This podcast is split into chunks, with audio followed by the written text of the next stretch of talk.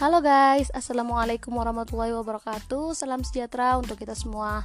Apa kabar? Kali ini saya Ramania Karim ingin menyampaikan sedikit tentang layanan bimbingan dan konseling. Sebelum membahas tentang layanan bimbingan konseling Perlu kita ketahui dulu apa sih bimbingan dan konseling itu? Bimbingan dan konseling berasal dari bahasa Inggris yaitu guidance dan counseling Bimbingan konseling merupakan proses pemberian bantuan oleh orang yang ahli yang disebut sebagai konselor kepada peserta didik baik individu atau kelompok yang disebut sebagai konseli agar mendiri dan berkembang secara optimal dalam hubungan pribadi, sosial, belajar, karir melalui berbagai jenis layanan dan kegiatan pendukung atas norma-norma yang berlaku. Selanjutnya kita masuk dalam membahas tentang layanan bimbingan Pada hakikatnya, layanan bimbingan dan konseling adalah peran yang dilakukan oleh konselor dalam mengatasi berbagai permasalahan siswa dalam kegiatan belajar mengajar. Pelayanan konselor hendaknya berjalan secara efektif dalam membantu siswa mencapai tujuan-tujuan perkembangannya dan mengatasi permasalahannya. Di sinilah perlu pelayanan bimbingan dan konseling di samping kegiatan pengajaran. Menurut Prayitno, layanan bimbingan konseling mencakup 9 jenis layanan. Yang pertama, layanan orientasi, di mana layanan ini memungkinkan konseli memahami lingkungan yang baru dimasukinya untuk mempermudah dan memperlancar berperannya konseli dalam lingkungan baru tersebut. Yang kedua, layanan informasi, di mana layanan ini memungkinkan konseli menerima dan memahami berbagai informasi yang dapat dipergunakan sebagai bahan pertimbangan dan pengambilan keputusan untuk kepentingan konseli. Yang ketiga, layanan penempatan dan penyaluran. Layanan ini memungkinkan konseli memperoleh penempatan dan penyaluran yang sesuai dengan bakat dan kemampuan masing-masing.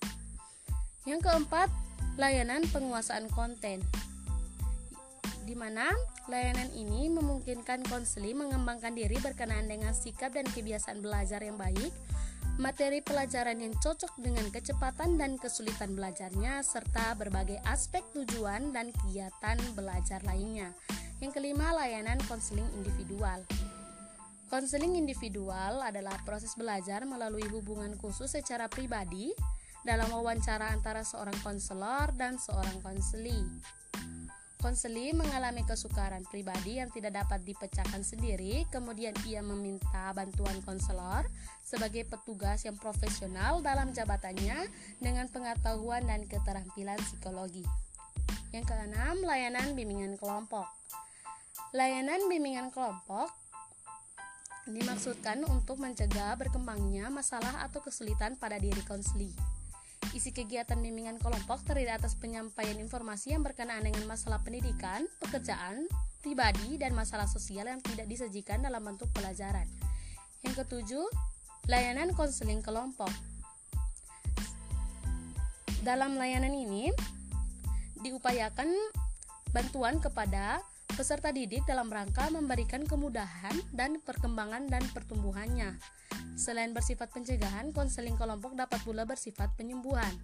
Yang kedelapan, layanan mediasi. Layanan ini memungkinkan permasalahan atau perselisihan yang dialami oleh konseli dengan pihak lain dapat terentaskan dengan konselor sebagai mediator. Yang kesembilan, layanan konsultasi.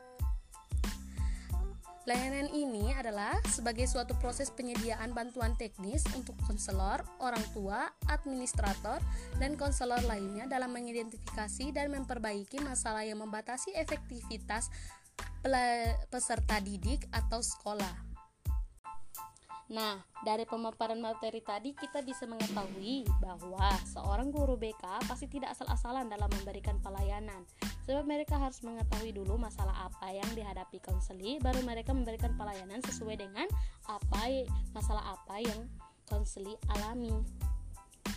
Untuk kalian memiliki persepsi yang buruk tentang guru BK seperti guru BK ngerjain kerjaannya ngapain sih?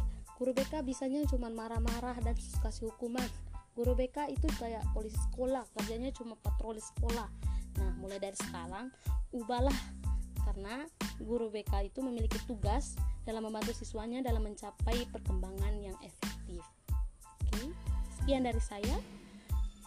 Assalamualaikum warahmatullahi wabarakatuh.